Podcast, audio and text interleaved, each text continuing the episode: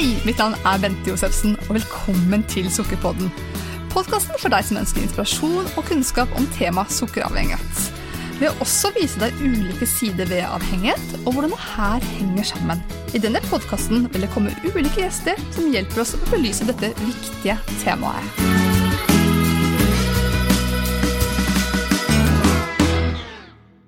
Med meg i dag så har jeg Helene Drage. Velkommen, Helene. Hei, hei. Hei. Du er kjent fordi at i 2011 så startet du en blogg som skulle på en måte ta litt av. Ja. Ja. Eh, og det var jo på bakgrunn av at du gikk jo ned hele 60 kilo på Mm. to år. Og det gikk ikke ubemerket hen. Nei, absolutt ikke. Og du delte raust av din, eh, din reise. Ja, veldig. Ja. Og på bakgrunn av det så har du jo vært en del i media, og du har også vært på God morgen Norge, for å nevne noe. Mm. Fortell litt mer. Hvem er du, Helene?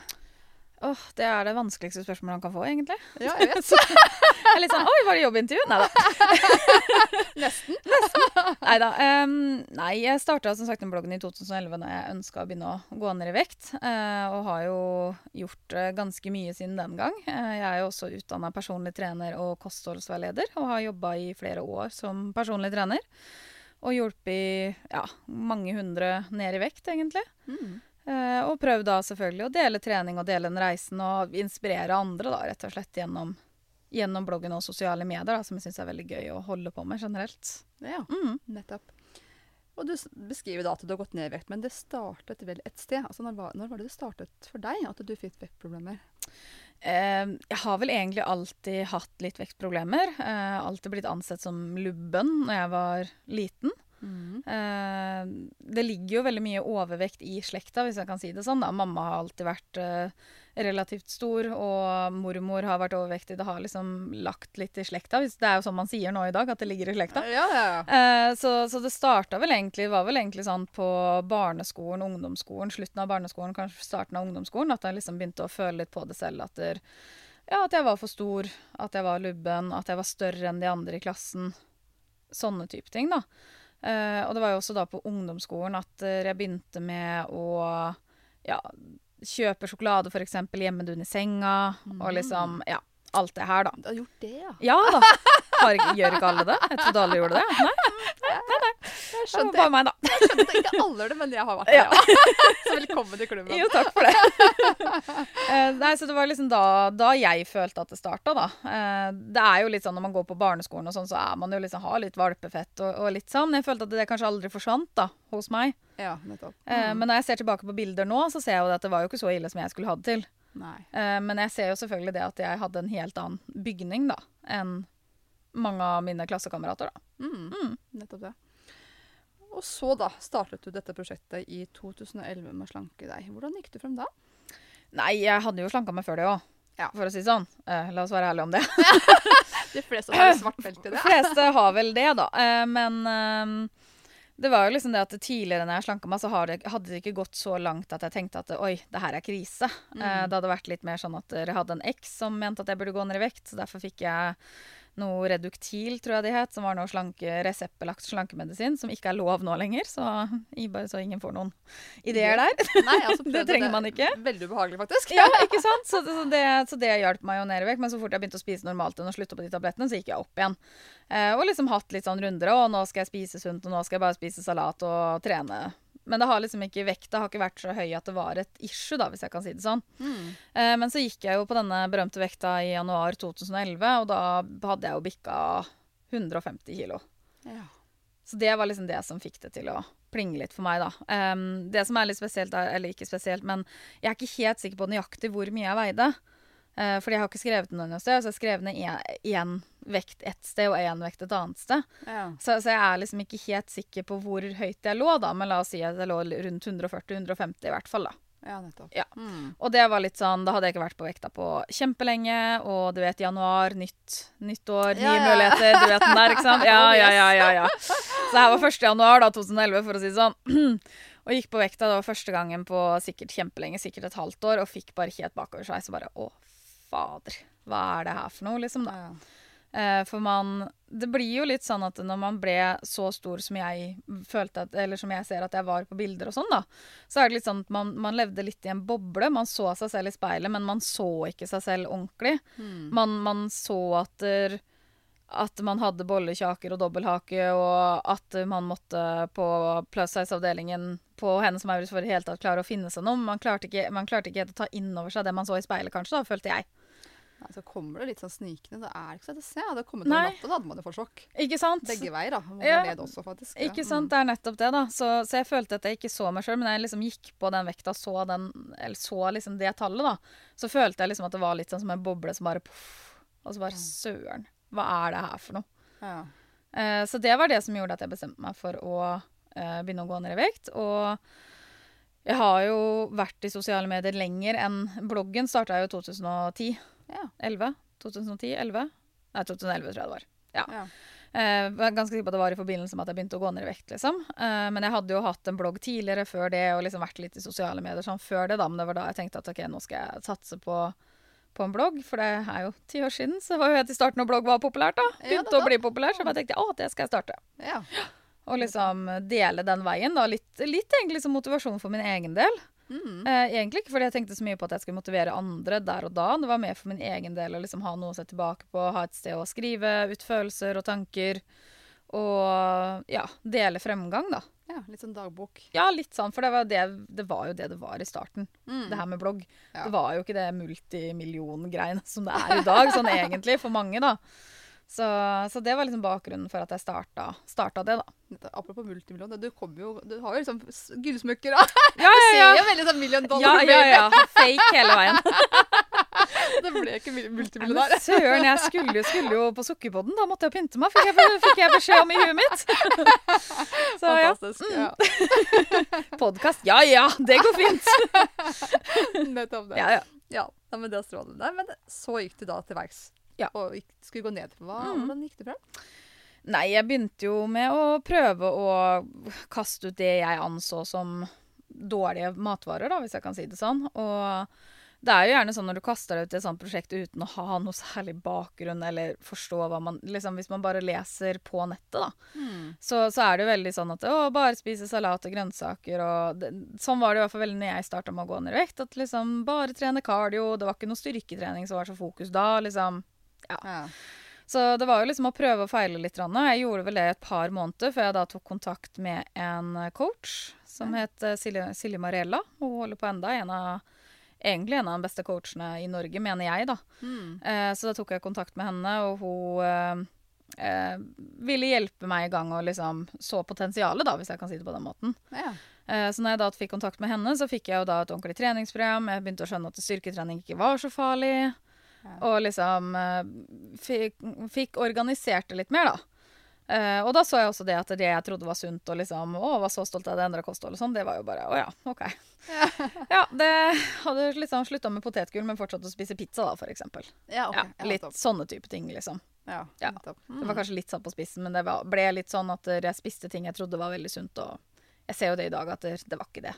Nei, det var ikke det. Nei.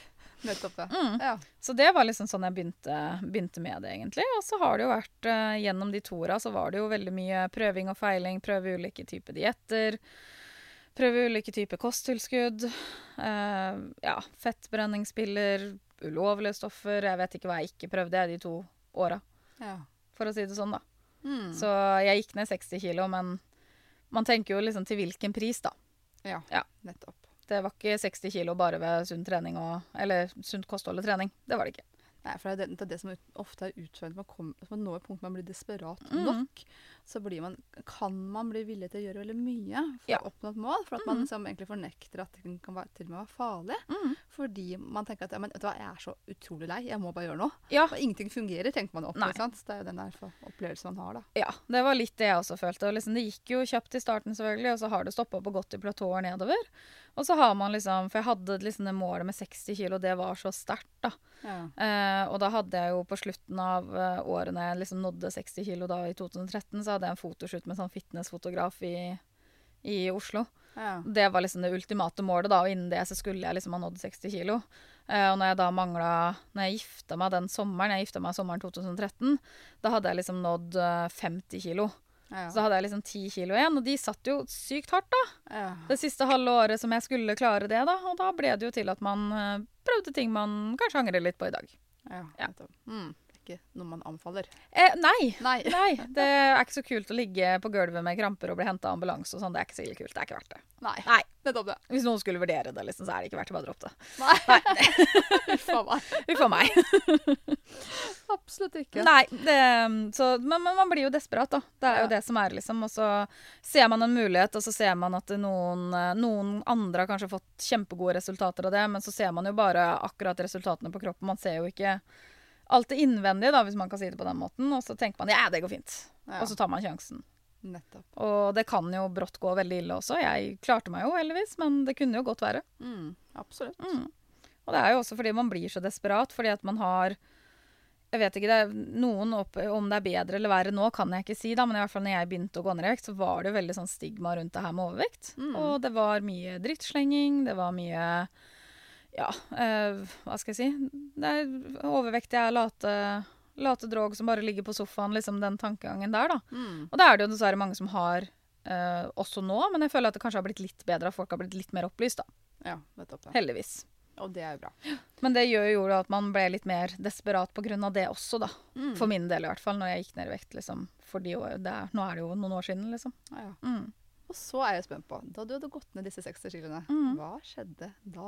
Nei, da ble jo ikke ting bra, da. Nei! Ble det ikke Søren òg! Det er det man går ut og tror hele tiden. Bare jeg går ned 10 kilo, bare jeg går ned 5 kilo, bare jeg passer størrelse 38, da, da blir det bra, da skal jeg leve livet. Og så bare eh, nei. Nei. Eh, så det som skjedde var at jeg hadde, gikk nådde jo målet mitt, hadde den shoot med han fitnessfotografen, ble kjempefornøyd med bildene og var fornøyd med det jeg så i speilet, for all del. Men så liksom merka man jo det at liksom tankene og hva skal jeg si, det mentale da, var der så sterkt fremdeles. Og ting ble ikke bare automatisk bra bare fordi man så bra ut og folk eh, ga deg komplimenter, da Mm. hvis jeg kan si det sånn. Uh, og siden jeg da hadde i hvert fall det siste året gått ned i vekt på en veldig dårlig måte, med tanke på at jeg nesten helt på slutten der så liksom spiste jeg 800 kalorier og trente to ganger om dagen. Oi, oi, oi. Og det er jo ikke sunt for fem flate øre. Nei. Eh, så, så siden jeg da hadde gått ned i vekt de siste kiloene på en såpass dårlig måte, når jeg begynte å spise normalt igjen, så gikk jeg jo automatisk opp i vekt. Ikke Mm. fordi at jeg spiste dårlig, men fordi jeg bare spiste mer. Ja. Eh, og da begynte vekta å gå opp igjen, og jeg begynte å skjønne at ok, greit, det her løste jo ingen verdens ting, egentlig. Mm. Uh, det var liksom bare den bobla du levde i der og da, som gjorde at det, at det gikk da til sist. Og så skulle du på en måte prøve å leve med det her, da. Ja. Og merka det at det egentlig så har du, hadde jeg jo ikke klart å skape noen gode, sunne vaner. Jeg hadde ikke klart å skape noen gode, sunne rutiner, liksom, for alt var så, eh, så, så panisk, da Mm. i ganske lang tid, liksom. Eh, og da var jo veien til å gå opp igjen ganske kort, da. ja. Mm. Så mye la du på deg da? Eh, da la jeg vel på meg 40 kilo igjen, vel. Ja. Sånn cirka. Mm. Hvis jeg husker riktig. Nå begynner det å bli noen år siden, men eh, sånn cirka. Ja, sånn cirka. Så det var jo det året jeg også begynte å utdanne meg som personlig trener og kostholdsveileder. Og det var jo fordi at jeg ville lære enda mer og faktisk kunne sette det i systemet og gjøre det på en ordentlig måte, da. Mm. Hvis jeg kan si det, si det sånn. Ja. Eh, og selvfølgelig også kunne dele av den erfaringa jeg hadde. Mm. Eh, for jeg følte at det var veldig mange dyktige Peter der ute som egentlig ikke skjønte hvordan det var å være overvektig. Ja. Så det var litt motivasjonen min, da, faktisk, at jeg ville være en PT som, som kanskje de som var overvektige, ville føle seg litt tryggere, tryggere på, da. Mm. Fordi jeg har vært der selv, og jeg skjønte kanskje tankegangene, mekanismene rundt det. For det er jo litt sånn hvis man alltid har vært slank og aldri har hatt vektproblemer, så er det litt vanskelig å skjønne greia, da, hvis jeg Ja. kan si det sånn. Og det skjønner jeg. Mm. Det skjønner jeg kan være kjempevanskelig for de som aldri har vært der. Eh, så det var bakgrunnen for at jeg hadde lyst til å bli PT og kostholdsveileder, for å kunne hjelpe, hjelpe folk der, da. Mm. Mm. Stemmer. Og så på et tidspunkt så bestemte du deg for å ta en slankeoperasjon. Ja. Da er vi mer i nåtid. Det var jo 2018 19? 2019? Nei, 18. Nei, er ikke to år 2018. Ja, tror det. Det er to år siden måtte jeg tenke. Hallo. Ah. Nei, og da hadde jo liksom Fra 2014 og fram til det, så hadde det jo liksom gått opp og ned, men liksom, det hadde jo gått mest opp, da. Ja. Sakte, men sikkert. Og så um, hadde jeg jo noen i familien som tok slankeoperasjon da et år før meg. Og da tenkte jeg liksom det at eh, søren, jeg, jeg Kanskje det er det her jeg også trenger, da. Kanskje jeg rett og slett eh, At det er så genetisk, da. At jeg ikke klarer å kjempe mot Jeg må ha det ekstra verktøyet, rett og slett, da. Mm. Um, og det fikk jeg jo litt pes for, fordi at jeg var jo også Når jeg begynte å gå ned i vekt i 2011, så var jeg uh, på overvekstpoliklinikken her i Oslo. Ja. Uh, vi bodde i Oslo tidligere. Og da fikk jeg også tilbud om slankeoperasjon. Det var mye lettere å få slankeoperasjon før, for å si det sånn. Ja. Ble nesten kasta etter da. Nå er det heldigvis litt mer krav og regler, og det er jeg veldig glad for. Mm. Men da valgte jeg å takke nei. Ja. Eh, og i ettertid etter det, da når jeg gikk ned i vekst, så har jeg på en måte vært veldig kritisk til det her med slankeoperasjon. Mm. Eh, og vært litt kritisk til de som har valgt å gjøre det. Eh, ikke fordi jeg syns slankeoperasjon i seg selv er ille, men fordi jeg var kritisk til eh, hvor lett enkelte valgte å se på det hele. Ja. Mm. Eh, veldig mange ser også, det tror jeg fortsatt gjelder for så vidt, at man ser på det som en enkel løsning, at man ikke skal gjøre noen endringer før. Eh, eller pappa fortalte meg om en, en som han kjente som liksom bare Nei, hun skulle, hun skulle ta slankeoperasjon til høsten, da, for hun skulle bare få med seg grillsesongen. Og ja, da ble jeg jo litt sånn OK, da har du kanskje ikke helt skjønt det. Så jeg har vært veldig kritisk til slankeoperasjon og ment, eh, ment på en måte at det har vært en lett utvei, da. Ja. Og med det så mener jeg selvfølgelig ikke at det er lett å ta en operasjon, eller noe sånt, men at det har vært sånn at jeg føler at mange burde prøve mye mer før de velger å, å gå til skrittet med en operasjon. Mm. Men det er jo klinikker som faktisk reklamerer med at det er lov å ta en enkel løsning. Ja, Ja, det er nettopp det. det. har jeg jo reagert på. Ja. Så, så jeg var veldig kritisk til det fram til da jeg begynte å vurdere det selv, og det fikk jeg jo selvfølgelig mye kritikk for, noe som jeg på en måte kan skjønne. Mm. Uh, men for meg da så var det sånn at jeg tenkte det at der, um, Selv om jeg ja, er PT, kostholdsforleder, flink til å bevege meg, flink til å trene og i det hele tatt, da, så følte jeg at jeg trengte liksom det ekstra Jeg trengte det ekstra verktøyet, følte jeg, da. Mm. Um, og ja, jeg så liksom ikke noe annen utvei, på en måte. Nei. Nei. Det er ikke så rart, det. Og da følte jeg også at eh, da hadde jeg på en måte prøvd alt. Ja. Det er ikke sånn at jeg har prøvd tre uker på lavkarbo, og så Nei, nå går det ikke, nå tar jeg en slankeoperasjon. Mm. Du har hatt en lang reise Ja. egentlig fra du var barn? da, Ja, egentlig så har jeg jo det, så derfor følte jeg at ok, greit, det her er liksom siste sjanse. Mm. Var egentlig litt det jeg følte. Uh, ja. Og det, det er jo en litt sånn kjip følelse, da. Det er klart. Og plutselig ombestemme seg sånn sett. Men, eh, men jeg innså jo mer og mer det når jeg var på startkurs og snakka med leger og alt det her, liksom at fy faen, det her er ikke noe lett utvei.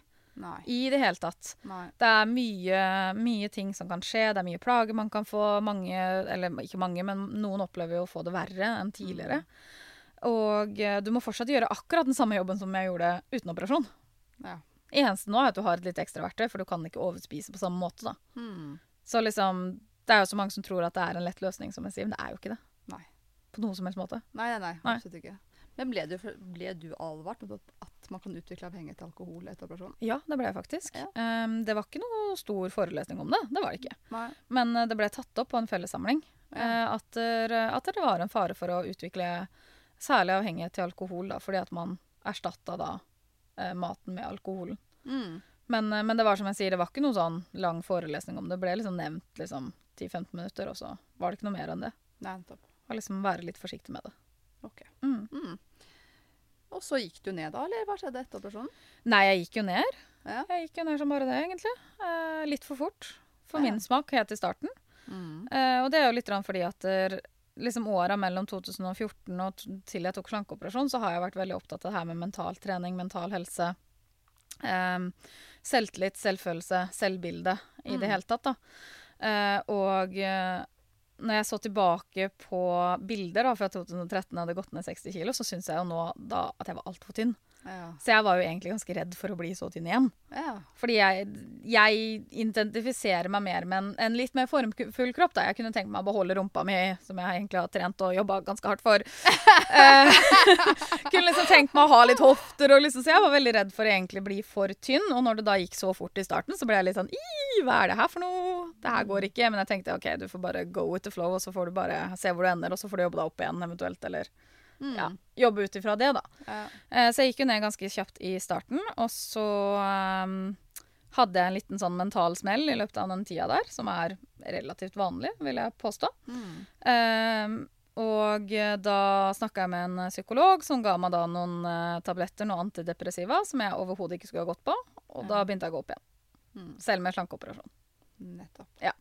Så du rakk egentlig på ca. to år da, å først gå ned, og så gå opp? Ja. Ja, nettopp. Mm. Og da du gikk opp, så kom du, som så, jeg skjønte, så hvis jeg skjønte, inn i Ja. et, mil- litt, et miljø. Kan du si litt om det? Ja, nei, men det handla jo litt om det med at jeg innså det at ok, ting løser seg faktisk ikke da, bare fordi at man går ned i vekt, liksom. Uh, og da begynte jeg liksom å tenke litt mer på det her med mental helse. Og liksom at jeg, jeg, hadde det jo ikke noe bra med meg selv, da. Mm. Uh, så da begynte jeg liksom å komme litt inn i det her med kroppspositivisme og liksom ja, den, det var jo en spede starten, det også. Nå føler jeg meg veldig gammel når jeg sitter her, men uh, det er en annen sak. og det er vi enige om, det er du ikke. ja, det var vi egentlig enige om. For vi er veldig gammel. Nei da, men i teorien så er jeg 27 fremdeles, så det går fint. Null stress. Ja, nei, men da begynte jeg liksom å komme inn litt det der med kroppspositivisme. Det var liksom helt i starten når det begynte å være at liksom, OK, men alle er like mye verdt uansett hvordan man ser ut. Man må lære seg å like seg selv, være glad i seg selv eh, for den man er, da, og ikke legge all vekt i kropp og utseende. Mm. For det var jo veldig sånn utseendefokusert en, en, stund, med den fitnessbølja som var, og alt det greiene der. Det her òg var jo jeg inne i, liksom den fitnessgreia. Ja. Var på fitnesskonkurranser òg, og det var så fint, jeg hadde lyst til å delta sjøl og sånn. Så urealistisk det kan få blitt for min del, liksom. Men uh, ja, mm, jeg hadde veldig lyst til det da en periode. Ja. Uh, så det var liksom litt sånn motvekt til det igjen, da. Mm. Uh, det der med kroppspositivisme og sånn. Um, og det ble jo til at jeg skrev veldig mye om på bloggen. At det er litt sånn, greit, jeg har gått opp i vekt, men vet du hva, jeg skal jobbe med å være glad i meg selv. Jeg har så mye å tilby, jeg har så mye gode egenskaper. Og jeg har så mye bra da, som gjør meg bra. Mm. Og hvorfor skal det bli avgjort av hvordan kroppen min ser ut? Mm. Og det er jo sånn i forbindelse med PT-jobben nå, så er jo det noe jeg har møtt veldig mye kritikk for. At jeg er en feit PT. Når jeg har sånn hermetermin i lufta, for dere som ikke ser det på podkasten. Ja. ja. det er veldig mange som, som, liksom har vært der, da. At 'Å, men du er jo feit, åssen skal du trene og motivere andre?' Og så er det som jeg prøver å si at ja, men det er kunnskapen min som gjør at kundene mine går ned i vekt. Mm. Det er jo ikke hvordan jeg ser ut. Det er, det, er skal, det er, jo ikke jeg som skal ha sixpack, det er jo kunden min som vil ha sixpack. Hva har det å si om jeg har det eller ikke? Jeg skal jo ha kunnskapen for å gi deg sixpack. Mm. Det er ikke dermed sagt at jeg har lyst til å bruke den kunnskapen på å få sixpack sjøl. Nei, det er noe. Så, så, det fikk jeg også så mye kritikk for. Og da var det liksom det at Ja, da ble det veldig viktig for meg da, å liksom prøve å hjelpe folk til å innse det at OK, men du er faktisk bra nok som du er. Du har så mange kule egenskaper. Du er en god mor. Jeg hadde jo en venninne. Hun var liksom eh, direktør i et svært firma, hadde to barn, jobba frivillig på et sånn suppekjøkken i jula. Liksom. Hun var bare sånn helt amazing, liksom. Mm. Og det eneste hun klarte å fokusere på selv, var liksom det at hun veide fem kilo for mye. Ja, mm. At hun hadde den muffintoppen på magen da, etter to graviditeter, liksom. Ja. Og det var liksom det eneste hun klarte å fokusere på når hun liksom var, var et forbilde da, på så mange måter for meg, da. Mm. Men det eneste hun var opptatt av, var det at hun uh, så ikke sånn ut som hun følte at man burde se ut, da, hvis mm. man kan si det på den måten. Eh, så det var liksom det som begynte, at jeg begynte med inn i den kroppspositive retningen, da. Mm. Mm. Nettopp det. Men så har vi snakket litt om at det er vel kanskje noe sånt litt, litt sånn både og, da, i det miljøet der. Ja, jeg, jeg, vil ikke si at jeg er en del av den bevegelsen lenger, for jeg syns kanskje den har utvikla seg litt i feil retning. Uh, og det er rett og slett fordi uh, nå ser man liksom litt sånn folk i sosiale medier og influensere og sånn som liksom danser rundt i trusa med potetgullposen og skryter av at de skal spise en hel Grandiosa og 'Se, jeg har kjøpt meg fem sjokoladeplater, nå skal jeg kose meg i kveld', og liksom Jeg, jeg syns jo det blir et uheldig fokus også, fordi at det går jo på helse. Mm. Uh, og det er det jeg har prøvd å være opptatt av hele tiden. Og liksom prøvd å si det at Du kan faktisk like deg selv og være glad i deg selv, men fremdeles ønske å gjøre noe for helsa di. Ikke fordi at du skal se ut på en gitt måte, eller fordi at du skal ha spredt rumpe eller sixpack, for den saks skyld, men fordi helsemessig så er det ikke bra. Uh, og når man da ser på, på, noen sånn kroppspositivismer som da er en størrelse 50-56, uh, eh, liksom oppi der, da, mm. så tenker jeg at da bikker vi på en måte feil, feil vei der òg.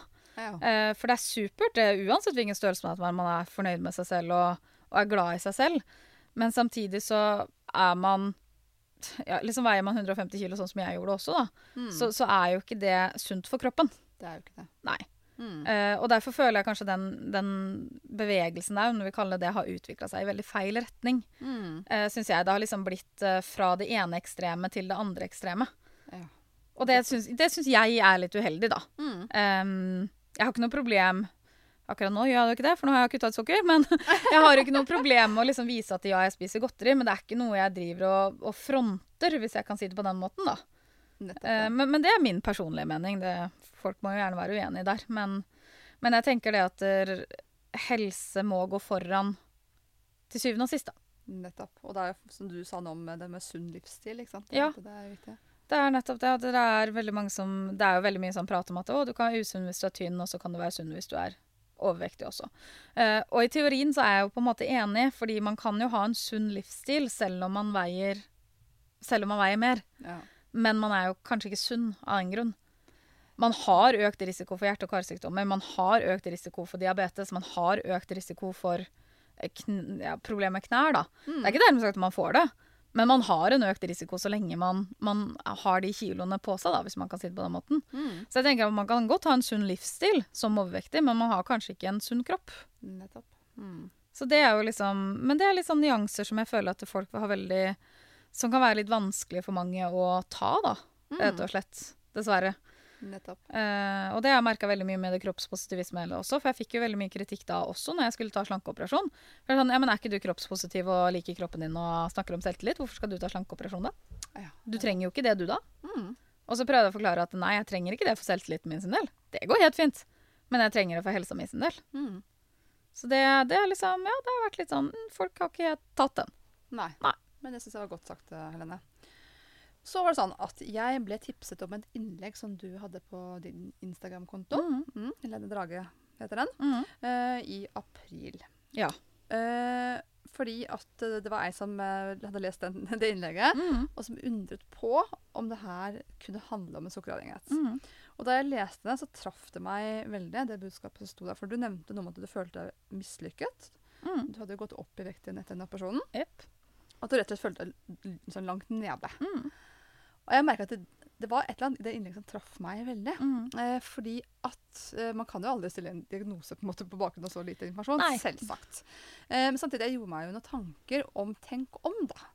Tenk om det her handler om en sukkeravhengighet. eh, og jeg fikk sånn der Åh, jeg skulle så ønske at eh, du, Helene, kunne bare, om ikke annet få kjennskap til altså Jeg undret meg på om du hadde hørt om sukkeravhengighet. Mm. tenker jeg, tenkte jeg at hmm, det hadde vært fint om du i hvert fall hadde visst hva det var. Mm. Men jeg hadde som ingen behov for å selge deg noe, og det er jo det med å trenge seg på andre, det, den, den sitter langt inne. Mhm, den noe jeg. Den har jeg ikke for vane, for å si det sånn. Så jeg brukte et par døgn etter jeg hadde lest innlegget som surra og gikk i hodet mitt. Eh, For jeg skjønte det gjorde noe med meg. Jeg hadde, så fikk så vondt av det, da, og tenkte at det er så trist hvis, hvis det skulle være sånn. Mm. For da er det noe kunnskap som er nyttig å få. Mm. Så jeg dristet meg til å sende et innlegg til deg. Eller ja, en melding, da. Ja. mhm. Ja. Så tenkte du da den meldinga kom? Nei, det er jo sånn i sosiale medier Man får jo veldig mye meldinger og folk som skal mene ting, og folk som skal tipse og i det hele tatt. Så man lærer seg jo litt å sile, sile ut de seriøse og de som bare slenger ut noe, da. Ja. Hvis jeg kan si det på den måten. Uh, så jeg så jo veldig fort at det var seriøst. Mm. Det er jo noe med måten man skriver på profil ja, i det hele tatt, da, liksom. Og det du skrev, det var jo liksom at du forklarte jo litt om det her med sukkeravhengighet og sånt, liksom. Så tenkte jeg fader, kan det være det? Kan det være så enkelt på en måte, da, samtidig ikke? For jeg hadde jo aldri hørt om det før. Nei. For det er liksom sånn, Jeg trodde det var sånn flåsete greie. Sånn der, 'Å, jeg er så avhengig av sukker.' Mm. Sånn som man sier at 'Å, jeg er så avhengig av kaffe'. 'Jeg er så avhengig av å gå tur'. liksom. At det var en litt sånn flåsete greie, egentlig. da. Mm. Eh, så når du da skrev til meg at ok, sukkeravhengighet er faktisk eh, en, en ordentlig ting, så ble det litt sånn 'hæ? Seriøst?' Ja. Og da ble jo jeg i hvert fall veldig nysgjerrig, for jeg er jo veldig interessert i sånne type ting også, da, selvfølgelig. Mm. Uh, og da ble jeg jo kjempenysgjerrig og tenkte at ok, det her må jeg sjekke mer om. Hva, hva er det her for noe, liksom? Mm. Mm. Og så sendte jeg deg opptak på et webinar. Ja. Ga det deg som din mening? ja, for det var jo da jeg liksom skjønte det at oi, søren, kanskje det her faktisk er er seriøst, eller kanskje det her er faktisk det, det som er problemet, da. Hvis jeg kan si det på, på den måten. At det er det her som er utfordringa mi, da. Eh, fordi jeg kjente meg jo så mye igjen i, i nesten alt som ble sagt, da. Mm. i det, i det webinaret. Uh, og selvfølgelig, når man har tatt en slankeoperasjon og uh, har gått opp i vekt igjen, så blir man jo også litt desperat. Selvsagt. Så på en måte så er man jo også redd mens man sitter og ser på det, at herregud, er jeg bare desperat nå og bare liksom legger opp til ting som egentlig kanskje ikke er der. Liksom, det, det er litt vanskelig sånn sett òg, da. Men jo mer jeg leste om det, jo mer jeg så på webinaret og sjekka opp litt selv, og i det hele tatt, så skjønte jeg det at ok, greit, men vet du hva, det her er det her er faktisk reelt. Da. Jeg følte selv at det her var reelt. Da jeg snakka med mannen min, som har jo vært med meg gjennom hele den reisa her da, fra 2011 og ja, helt siden 2009, før jeg begynte å gå ned i vekt òg, liksom. Uh, og han kjente seg veldig igjen, han også. Mm. Eh, og da følte jeg det at ok, greit, det her er ikke noe du føler bare fordi du er desperat. Ja. Men det her er kanskje noe mer reelt, da. Når du sier at han kjente seg igjen, altså kjente han igjen deg eller seg selv? Han kjente det meg. Ja, deg, ja. Ja. ja. Mm. Bare så at jeg ikke han lurer Nei, nei. Han har ikke noe sukkeravhengighet. Nei. Nei, Han uh, klarer seg fint uten, for å si det sånn. Men, uh, men han kjente igjen veldig meg og liksom hvordan ting har vært opp gjennom åra, hvis man kan si det på den måten. Mm. Mm. For det, det jeg kan si med en gang, at det, det er jo ikke sånn at alle som har en sukkeravhengighet, blir overvektige. For Nei. at noen har en annen genetikk og tilsynelatende kan, kan jo spise alt Mm. på seg. Og en del får det vi kaller sånn kompenserende strategier. Kan. At de overspiser, og så overtrener de. Ja. Legger inn noen sultedager, eller begynner å kaste opp, lakserende Mhm. midler. Så det er mye rart man kan gjøre. Mm. Men det som er til felles, er jo at de fleste har jo mange år bak seg med å prøve å regulere det her. Mm. Har, det er en kamp. Ja, ja, ja. Hele tiden. Så det er jo liksom det som kanskje traff deg, vil jeg tro. da. Ja, ja, ja. fikk- Absolutt. Fikk noe sånn der, eh, noe missing link, kanskje. Mhm, Absolutt. Det er bra. Og da ble vi enige om at uh, du skal ha sånn én-til-én-oppfølging av Mhm. meg. Mm. Og da vi startet altså, Det klassiske er jo selvfølgelig og helt naturlig at man er litt skeptisk. og har noen tanker om at det skal aldri mer. Ja, ja, ja. Den, de kommer enda, men det går greit. liksom. Den kommer enda av og til. Sånn, ah, skal jeg aldri spise sjokolade igjen? Seriøst? Og så Ja, det går fint. Sånn etter hvert, da. I hvert fall ikke i dag. Eh, men hvor mange dager har du holdt på å vært sukkerfri nå? Eh, skal vi se Det er vel uh, iallfall tre eller fire uker, vil jeg tro. Ja. Fire uker er det vel? Fire, ja, jeg Ja, tror nok det er fire Tror det er fire uker. Tok litt lengre tid med Pepsi Max-en, bare. Ja. Så Pepsi Max-en er siden 1. mai. For det var nettopp det jeg skulle frem til. For dette, sant, det, er- det erfarer jeg til alle jeg skal hjelpe i gang. Mm. De har én eller to ting de gjerne er sånn helt sånn Det virker helt utenkelig at man kan Mm. klare seg uten. Ja. Og Pepsi Max er typisk. Og for andre kan det være havregryn eller brød, knekkebrød. Altså, Mm. Sukkeravhengighet handler jo ikke bare om sukkeret, sånn sett, men Nei. også omdannes til sukker som andre raske karbohydrater, brød, pasta, ris Ja. osv. Mm. Men de aller fleste har sånn herre Det er en helt skrekkelig tanke. Ja. Så hva, hva tenkte du om den Pepsi Maxen? Nei, Pepsi Max-en var helt krise. Jeg hadde helt ærlig tenkt å bare kutte ut alt annet som du sa om. Bare, bare ignorere deg fullstendig når det gjaldt den Pepsi Max-en, og bare ikke si noe. bare lat, lure meg? ja, ja, bare lure deg. Bare late som jeg ikke spiste, drakk det. Nei, nei, nei, Pepsi Max slutta med det for lenge siden. Det hadde jeg seriøst eh, Det, det var seriøst en tanke ganske lenge. Og så um, Det som var, var at jeg og mannen min har jo drukket enorme mengder Pepsi Max. Mm. Eh, vi bør ikke snakke om hvor mange, eller hvor mye. For det har vært mye. Eh, og det som var, var jo det at nå med korona og sånn, så stengte jo grensene. så vi ikke tak like mye Pepsi Max, det betyr at vi måtte begynne å rasjonere litt. Ja. Eh, så, så jeg fortsatte jo, jeg kutta jo sukker og alt, og brød og pasta og alt det andre det var, men jeg fortsatte med Pepsi Max, men i mye mindre grad, selvfølgelig. Jeg kutta det ut. Jeg drakk, det, jeg drakk kun liksom én eller to bokser på kvelden, da. Ja. I motsetning til tidligere, hvor jeg drakk det gjennom hele dagen. Så, så jeg kutta jo betraktelig ned, selv om jeg ikke kutta helt ut. Ja. Bare til mitt forsvar. Det gjorde jeg faktisk. Jeg var Ja, nesten helt grei. nesten, nesten helt grei. Nei, men jeg kutta jo betraktelig ned, da. Men det som også skjedde da, var jo det at der, eh, jeg merka etter hvert at eh, når jeg, hadde, jeg hadde brått et par dager uten Pepsi Max. Hvorfor vet jeg ikke, men det bare ble sånn. Eh, og så drakk jeg en Pepsi Max igjen, og så fikk jeg vondt i hodet. Ja. Og da var jeg litt sånn Oi, fader. For jeg har liksom alltid tenkt at Pepsi Max ikke har påvirka meg, og liksom at det ikke har Liksom det er Mange som sier at å, aspartan gjør at jeg får mer søtsug og alt det greiene her, da. Men jeg har liksom alltid følt at det ikke har påvirka meg i det hele tatt. da. Og så hadde jeg da et par dager hvor jeg ikke drakk Pepsi Max i det hele tatt. Så drakk jeg én boks igjen, jeg fikk så vondt i huet. Jeg fikk så sykt vondt i hodet. Og jeg er overbevist om at det var den Pepsi Maxen. Kanskje ikke var det, men jeg er overbevist om at det var den Pepsi Maxen. La oss tro det. Ja, jeg tror, ja, men jeg tror helt ærlig det. Det tror jeg fremdeles også. Og da tenkte jeg det at vet du hva, hvis du skal gjøre det her nå, så kan du like gjerne gjøre det ordentlig. Ja. Og så kan du faktisk kutte ut den Pepsi Maxen og se åssen det går. Ja. Sånn helt ærlig. Og da hadde jeg to bokser igjen, så da tenkte jeg OK, men da drikker vi opp dem. Ja, det var den der avhengighetshjernen fremdeles. Ja. Måtte drikke opp de to. Man, man kaster ikke verken godteri eller heller ut men det gikk greit. Nei, men jeg klarte å kaste godteri og sånn gikk fint, men akkurat den Pepsi Maxen, den måtte drikkes opp. Ja. Så fant jeg én boks her om dagen, Altså, så der var det bare sånn Mats, den drikker du. Ferdig. Mats er da mannen min. Han fikk ikke lov til å helle den ut. Nei, han, nei det, jo, han kunne ha gjort det, om han bare blir kvitt den og drakk den, selvfølgelig. Da, så. Sånn er det. Det er greit. Mm. Men det er interessant, for da vi snakket sammen før du på en måte kom i gang, Mm. så, nevnte jeg som at ja, det går jo en del penger kanskje og sånt til Pepsi Max, og det Ja, var ikke viktig. Nei. Nei. nei, nei, nei. Herregud. Og jeg 60 000 på Pepsi Max. Herregud, null stress. Sikkert mer. Og så nevnte du jo sist vi snakka sammen, noe om økonomien i det hele. Ja, ja, ja. Vi merker jo selvfølgelig det at, der, at vi bruker mye mindre penger på butikken generelt. Mm. Eh, selvfølgelig, vi kjøper kanskje litt dyrere matvarer. Eh, litt dyrere råvarer. Liksom, jeg kjøper avokado uten dårlig samvittighet flere ganger i uka. Liksom. Det gjør jeg jo selvfølgelig, men herregud, vi har jo spart så sykt mye penger. Ja. Det, det er jo ikke Pepsi Max-en i seg selv, det er jo mye penger, liksom. Hver gang vi var i Sverige, så handla vi sikkert Pepsi Max for 500 kroner, bare det, liksom. Tre-fire brett, da. I Ja. hvert fall. Og eh, når vi går på butikken nå, så er det jo ikke potetgull, det er jo ikke sjokolade, det er jo ikke is. Det er liksom ikke alle de tinga her, da. Vi hadde jo et så seriøst stort lager lenge hjemme at jeg blir mørkredd. og det er liksom for en slankeoperert som egentlig ikke kan spise noe særlig heller, da. Ja. For jeg kan jo fremdeles ikke spise noe særlig. Jeg orker jo ikke mer enn liksom tre biter sjokolade og liksom Popkorn kan jeg spise alt jeg vil av, men Mm. bortsett fra det så har jeg har jo de begrensningene i magesekken fremdeles, da. Mm. Men vi hadde faktisk så sykt mye godteri at jeg ble, jeg ble helt mørkeredd da jeg tenker på det.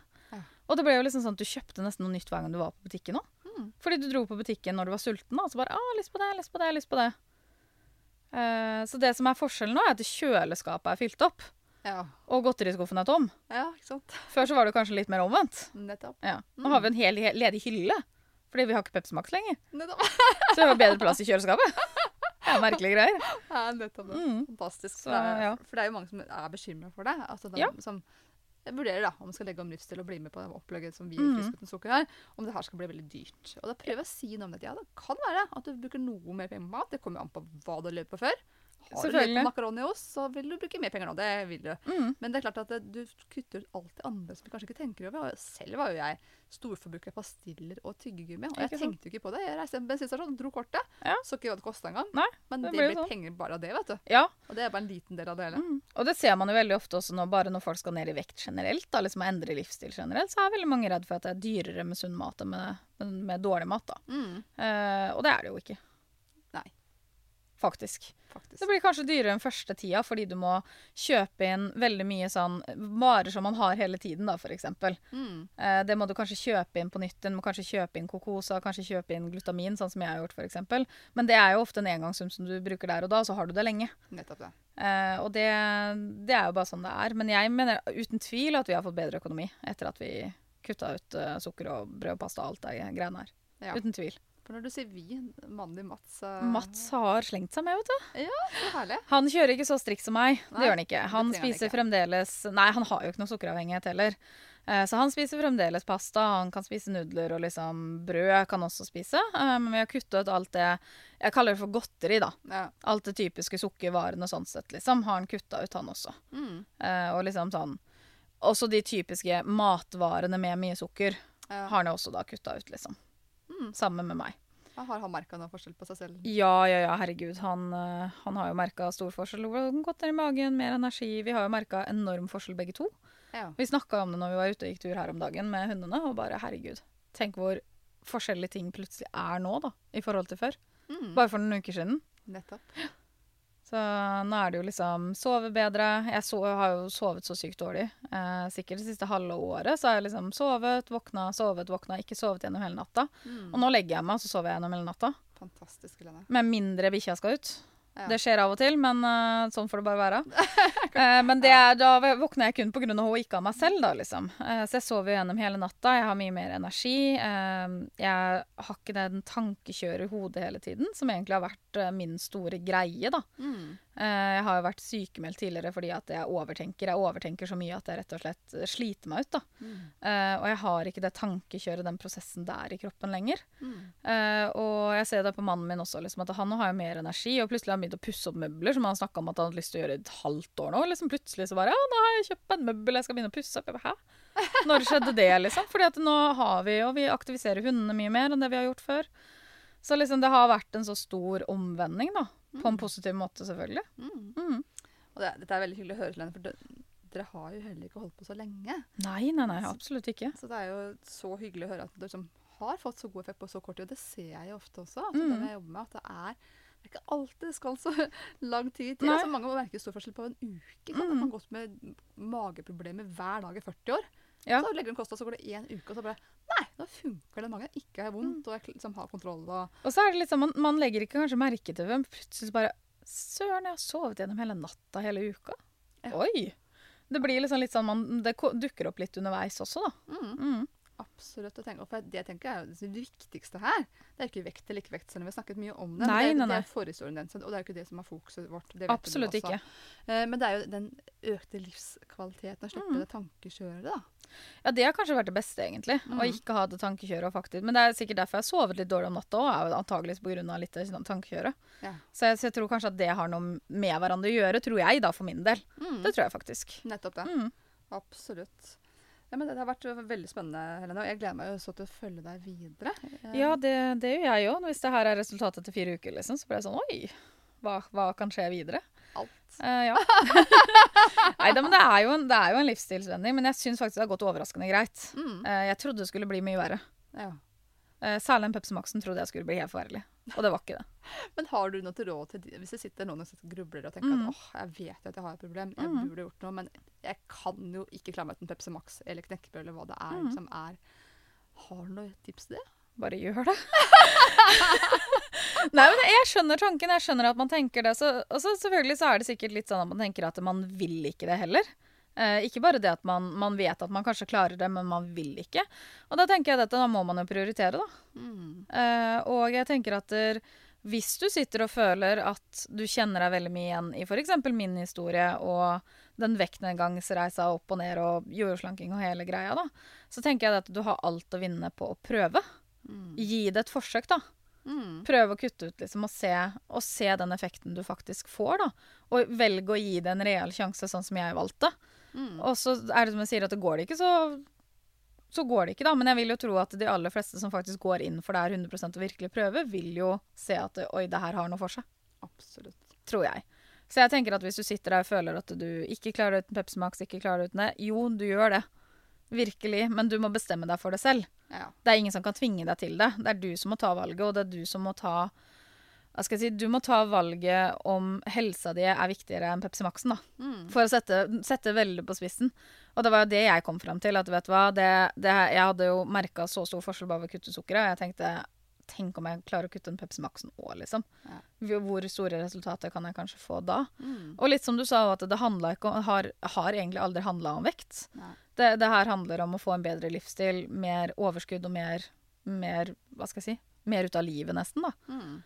Eh, og om vekta går ned, så er jo det bare en hyggelig bonus. Mm. Rett og slett, da. Så, så jeg tenker at hvis du sitter og føler på det, så, så prøv. Jeg tror ikke du vil angre, og du skylder deg sjøl såpass, da. Mm. Hvis du sitter der og tror at du har en sukkeravhengighet. For som jeg pleier å si, at hvis, hvis du på en måte har sånn, så sterke tanker om at du ikke kan klare deg uten noe, så er det kanskje på en måte en varselbjelle i seg. Ja. Hvis man ikke er en avhengighet, så har man ikke så sterk relasjon til enkelte ting. Nei, det er jo litt med det. Det er akkurat som jeg har med kaffe, liksom. Jeg liker det og syns det er godt og kunne ikke tenkt meg uten det, men jeg klarer meg uten. Ja. Så jeg har jo ikke en avhengighet sånn sett der, da, liksom. Så nei, jeg, jeg, jeg er enig med deg der. Ja. At jeg tror at Hvis du har den tanken, så tror jeg kanskje at, du, at det er en varsellampe i seg selv. Da. Mm. Absolutt. Så tenker jeg også at man trenger ikke bestemme seg for hele livet. Ikke sant? Altså, Nei, nei, nei. Vi prøver en dag om gangen, Mm. og så ja, Ja. gi det et forsøk, da. Og Ikke se hva sant? som kan skje. Og så det beste er, tror jeg, å gå cold turkey. Ja. Og bare kjøre på. Ja. Jeg tror det. Om du skal prøve. Men selvfølgelig, hvis du sitter der og kanskje tenker at man ikke har en sukkeravhengighet, men man har lyst til å gjøre noe med, med sukkerinntaket sitt og sånn, da, så tenker jeg at det er jo supert, det òg, tenker jeg. Om Ja, ja, du bare har lyst til å begynne å kutte ut ting, Mm. så er jo det helt supert. Helt klart. Og det er, altså, det er mange det som ikke har sukkeravhengighet, men som allikevel erfarer at enten å ta det hele bort eller redusere det vesentlig. At de Mm. får en bedre ja. Ja, det er sånn, det er jo litt sånn som Mats, mannen min, har gjort, da, liksom. Mm. Han har jo ikke noe avhengighet og har kanskje hatt et litt sånn skadelig, skadelig bruk. Er det ikke det du kaller det? Ja. Skadelig virke. skadelig bruk, liksom. Men han har jo ikke en avhengighet på samme måte. Men han har jo merka enorm forskjell bare med det han har gjort, da. Mm. Selv om han fremdeles spiser raske karbohydrater, og liksom selv om han ikke har kutta ut absolutt alt, da. Mm. Så, så jeg tenker at uansett så tror jeg det her er noe som fungerer for veldig mange. Og det synes jeg er også, interessant, for det er så en av mange, mange spørsmål jeg får. da. Mm. Men hva med resten av familien? Skal de leve liksom meg? Og hvordan går det an å forene det med familieliv? Da? Hva Mhm. tenker du om det, da? Jeg tenker det at hvis man skal gjøre en såpass stor endring, for det er jo en ganske stor og vesentlig endring for noen, så er det veldig Jeg tror i hvert fall det er veldig viktig å ha med, ha med familien litt på laget. Mm. Uh, Mats har jo sagt selv at jeg stiller opp 100 Det har liksom ikke vært noe diskusjon mellom oss engang, da. Eh, men han er jo veldig flink, selv om han ikke kutter og alt, så er han jo veldig flink til å spørre liksom, ok, er det greit at jeg lager meg eh, rundstykker nå, da. Ja. Det sa jeg ja til her om dagen. Angra veldig etterpå, men eh, det var min egen feil. Det gikk fint. men liksom, jeg, jeg tenker at familien trenger ikke å spise det samme, men de kanskje må ta hensyn, da. Mm. Eh, litt, sånn, eh, litt sånn som du sa, liksom, at eh, OK, da får noen andre gå og hente den godteposen, da. Ja. For eksempel at man, at man har familie med på laget, tror jeg er en fordel. Det tror jeg. Absolutt. Men jeg tenker at der, hvis det er litt sånn med barn og sånn nå, liksom, du vil jo ikke Barna skal jo få lørdagsgodt, da. Hvis, hvis det er det det er, liksom. Selvfølgelig begrensa mengder, liksom. Eh, så det er ikke sånn at hele familien må bli med på det, men du må gjøre det for din egen del. Absolutt. Og har du med deg partneren din på det, så tror jeg det er lettere. Og så erfarer for jeg at det, at det blir naturlig i mange familier. At de spiser denne fusmaten, som vi kaller det. Og Ja, da syns den smaker godt og Ja. gjør godt. Og oppdager meg jeg blei jo faktisk mettere og har det bra, jeg også. Mm. Og om de spiser noe annet, så er jo det greit, liksom. Men at Ja. det er sånn de får, mange, mange får spennende oppdagelser på at Ja. det er bra for hele familien, faktisk. Ikke sant? Så sånn vi har gjort det nå, er jo at vi lager jo den samme maten fremdeles. Mm. Bare at Mats lager da én porsjon med f.eks. pasta eller ris eller poteter eller hva han skal ha. Og så Mm. spiser jeg grønnsakene og kjøtt og en ekstra fettkilde, da. Ja. Mm. Så det har funka helt fint for oss. Mm. Og jeg tenker at det har litt med innstilling å gjøre, tenker jeg. Nettopp det. Ja. Absolutt. Det er liksom ikke det er, altså, Alt er relativt, det kommer an på hva man spiser før. Men i Mm. hvert fall middagene opplever jeg at det er jo egentlig bare en liten vridning. Ja, det er det jeg føler. Og vi spiser jo nesten ikke middag sammen alltid heller, for vi jobber litt sånn om hverandre og jobber litt skift og her og der, liksom. Så det er ikke alltid vi spiser middag sammen engang. Mm. Uh, men for oss så har det, fun det har fungert veldig bra. Men, men jeg er veldig takknemlig for at han er så støttende og at han er så med. Det er jeg jo. Absolutt. Det hadde vært mye vanskeligere hvis ikke han var det. Det hadde det. Det er en stor fordel, absolutt. Ja. Så, men planlegger du dagene veldig annerledes nå, eller hvordan gjør du det? Um, det er jo litt det at jeg, at jeg, at jeg planlegger. Kanskje ikke det at jeg planlegger annerledes, men at jeg faktisk planlegger. Ja, det er nytt. Eh, men eh, jeg har jo også um, Det her var, jo ikke noe tips fra deg, eller noe sånt, men jeg har jo valgt å spise etter periodisk fasteprinsippet også. Mm. Eh, sånn at jeg har et fast spisevindu, og jeg spiser da mellom tolv 12 og 8 er det jeg kjører nå, da, liksom. Og det har rett og slett bare for gitt meg litt mer fokus, og for å gjøre det lettere for meg å planlegge, da. Mm. Periodisk faste er jo ikke noe for alle i det hele tatt, og det er ikke noe man bare skal begynne med sånn. Det er greit å sjekke med fagfolk og, og litt sånn, bare så det er sagt, bare sånn liten disclaimer. Yes. Så det ikke blir noe tull der. Eh, men jeg har liksom valgt å ha et spisevindu mellom 12 og 8, rett og slett fordi det skal være lettere for meg å planlegge maten min, da. Mm. For det er jeg nødt til nå. Nettopp det. Ja. Eh, og det er også litt fordi at jeg ikke skal sitte og småspise og, eller ha lyst på ting på kvelden, da. For da er det liksom OK, men da drikker jeg bare noe varmt, da. Ja. Mm. Nettopp det. Så, så det har fungert veldig bra, egentlig. Mm. Så, så det jeg planlegger nå når jeg står opp, er at jeg prøver å planlegge alle måltidene. Ja. Mm. Så, men litt fordelen min der er jo at jeg er slankeoperert. Så eh, det skal Det skal litt mindre til for å få et fullverdig måltid, da, for min del. Ja. Ja, for jeg kan liksom ta to egg og en avokado og litt kaviar, Mm. og så er det på en måte et fullverdig måltid. Mm. Så det har jo gjort det lettere for meg, da, som ikke kan planlegge, og som hater å stå på kjøkkenet. Det er det verste jeg vet. Ja. Jeg har jo ikke lyst, for hvem flate øre. Så jo lettere jeg kan gjøre det, jo bedre er det for meg, da. Mm. Mm. Men, eh, men det har gått ganske greit, altså. For det, det her handler jo om de rette råvarene. Det handler ikke nødvendigvis om at man må gjøre det veldig komplisert. Nei, nei, nei, absolutt ikke. Men som, jeg ser jo det på det materialet jeg har fått fra deg også. at Man kan gjøre det mye mer komplisert. Man kan Ja. stå og kose seg på kjøkkenet i tre timer hvis man har lyst til det. Ja. For de som liker det, da. Mm. Det er ikke sånn at du må bare spise kjedelige greier. Og det er også noe jeg har fått spørsmål om. Jeg vet ikke om du får det. Sånn derre Ja, men hva spiser du da? Ja. Obvious! det er det mest, spørsmål. det er det spurte spørsmålet. sånn Når du ikke kan spise godteri, ikke kan spise sånn og ikke kan spise poteter og sånn, hva spiser du da? den, den får jeg jo veldig mye da. Så er det sånn Nei, det er jo ganske mye, da. Ja, Hva spiser du da, eller hva spiser du istedenfor? Ingenting, da. Jeg spiser ikke det. Så ja. Nei, så det, liksom, det har vært litt sånn Selvfølgelig så for meg som hater kjøkkenet og syns det er noe drit, liksom, så, så er det jo litt sånn at det har tatt vært en liten omstilling, da. Mm. Og liksom finne ut ok, hva kan jeg spise, hva passer til det, hvordan kan jeg få inn en ekstra fettkilde i det måltidet her. Eh, og da har det vært veldig fint å bare ha deg på Messenger. Så bare Kan jeg spise sånn? Kan jeg lage denne oppskriften? Svaret er som regel nei, men det er greit. det går fint. Det høres så Du høres så kjip ut nå. Nei da. Det er ikke, er, det er ikke, så, ikke sånn ment i det hele tatt. Men det er liksom litt sånn Det er jo ja, litt. rann. Men, det, men det er jo liksom sånn som jeg tenkte jo det når vi starta, at det skyr. Det er jo ikke noe stress. Ja. Og det skal man jo helst prøve å unngå litt, for vi prøver jo å unngå kunstig søtning også, da. Ja. Og da blir det litt sånn OK, da må jeg vri hodet mitt. Ja, men da så kan jeg spise gresk yoghurt, ikke sant. Så det er liksom litt sånn, sånn da. Ja. Eh, som man finner ut av litt underveis. Og jeg syns egentlig det er veldig spennende, ja da. Ja. Jeg syns det er kjempemoro å prøve å finne liksom nye kombinasjoner. Hva kan, på, hva kan, jeg ha med på jobb? Hva funker fint? Hva kan jeg ha i eske eller i matbokser? Mm. For sånn er det jo litt for meg nå. Siden jeg velger å, å kjøre periodefaste, så må jeg spise relativt ofte. Nettopp. Og det skal jeg jo egentlig også, siden jeg er slankeoperert. Ja. Så det er litt derfor jeg har valgt det, da. Uh, så Nei, men så, jeg syns det, syns det liksom har vært spennende å liksom oppleve det også, da. Så bra. Mm. Og for å da gå tilbake til det avgjørende øyeblikket, ja. dette innlegget ditt for da skrev, skrev at du på en måte var så veldig oppgitt og fortvila. Og, mm. ja. Hva tenker du om det i dag, da? Nei, jeg tenker hva, hva, skal man tenke, holdt jeg på å si. Eh, det, når du leste det nå i stad, før vi møttes nå, før vi liksom begynte å spille inn, liksom, så var jeg litt sånn Oi, søren, jeg kjenner meg ikke helt igjen i det akkurat nå. Nå lenger, liksom. Eh, for jeg føler liksom at det den endringa her med å kutte ut uh, sukker og alt det her, da, har liksom betydd såpass mye, da. Mm. Uh, og faktisk gjort en så stor endring på så kort tid. Så jeg kjente meg nesten ikke igjen når du, når du skrev det. Uh, men, men, jeg husker jo fremdeles veldig godt den følelsen og de tankene. Og selvfølgelig når man er i sosiale medier sånn som jeg er, så får man jo kanskje det litt ekstra sterkt, fordi at folk skal alltid diskutere, folk skal kommentere uh, i det hele tatt. Og det var en, var en kjempevond følelse, fordi du ønsker jo å være en inspirasjon, og du ønsker å være en motivasjon, og du ønsker å motivere andre, da. Og så sitter man her sjøl og ikke får det til. Mm. Og i tillegg så skal folk drive og hakke på deg at jeg visste at det kom til å gå opp igjen etter operasjon. Og det er jo folk er slemme. Ja. Nei, men folk er kjempeslemme. Enkelte mennesker er dritslemme. Uh, og litt som jeg skrev i innlegget også, at jeg skjønner jo det at man må tåle litt når man stikker fram hodet, men samtidig så ja, er det ganske drøyt, da. Ja. Sånn enkelt å holde på. Uh, og når man da får det da på toppen av det at man har tatt en slankeoperasjon som man egentlig lova seg selv at man aldri skulle ta, og på toppen av det så har man klart å på en måte gå opp i vekt igjen. Nå var jo ikke det helt min feil fordi, jeg, måtte, fordi jeg begynte på de antidepressiva pillene. Uh, men så fort jeg så at jeg begynte å gå opp i vekt, eller at jeg hadde gått opp veldig mye i vekta, så kutta jeg den tvert. Ja. Da bare tenkte jeg at da får jeg heller bare være deprimert. Sånn var det faktisk. Så ille var det, da. Mm.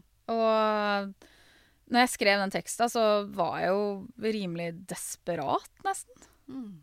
Det var nok det jeg catcha. Ja, antageligvis så var det litt det du catcha innen teksta. For da hadde jeg fått så mange spørsmål. Hvor mye hadde du gått ned? Hvor mye hadde du gått opp? Hva skjer? Hva spiser du? Liksom, jeg har fått mm. så mye spørsmål om over lengre tid. da. Så det var liksom litt sånn desperat at det bare litt sånn Hold kjeft, rett og slett. Jeg orker ikke det her, da. Mm. Eh, og ja, jeg var ganske langt nede, egentlig. Mm. Jeg hadde jo fått tilbud om å gå videre på DPS også. Med, jeg vet ikke om folk vet hva det er, men det er jo sånn, sånn psykisk ja. Distriktspsykiatrisk senter. Ja takk, da visste du hva det sto for, det visste ikke jeg nemlig. uh, så jeg har jo egentlig fått tilbud om opplegg der også. Ja. Uh, men jeg føler jo ikke at jeg har noe behov for det nå. Fantastisk. Mm. Det. Og det er fordi at liksom, jeg føler at tankestyret har gitt seg veldig mye. da. Mm. Og så er det liksom selvfølgelig folk som har lyst til å si at å, det er placebo, bla, bla, bla. Men så tenker jeg vet du hva, hvis det er placebo, så er det greit. Det gjør meg ingenting. Verdens jeg tror jo ikke at det er det. ja, jeg tror jo ikke det er det, helt ja. ærlig. Men hvis folk har lyst til å tro det, så tenker jeg ok, men da, da får dere tro det, og så får jeg ha det bra. Og så kan dere gjøre hva dere vil. Ja.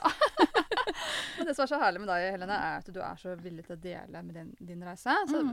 Først har vi snakket om at vi skal lage en podkastepisode litt senere når du holder på lenger. Mm. Eh, og så vil jeg bare, sånn, når vi avslutter nå, eh, nevne at du har jo noen kanaler vi kan følge deg i. Hvis ja. ønsker det, Du har jo en YouTube-kanal. YouTube-kanal. Helene Drage. Mm. Instagram. Helene Drage. Podka eller jeg er på Snapchat også, men jeg er ikke så mye aktiv der. Men der heter jeg Sommerdragen av en eller annen grunn. Ja. Så har jeg bytta. Uh, hva mer har jeg? Jeg har bloggen, da. Det er jo helendrage.no. Så liksom alt er Helene Drage, egentlig. Ja. Søker du opp Helene Drage, så, så, finner dere meg. Ja. ja. Supert. Enkelt og greit. Takk for at du kom i dag, Helene. Takk for at jeg ville komme, fikk komme. Ja.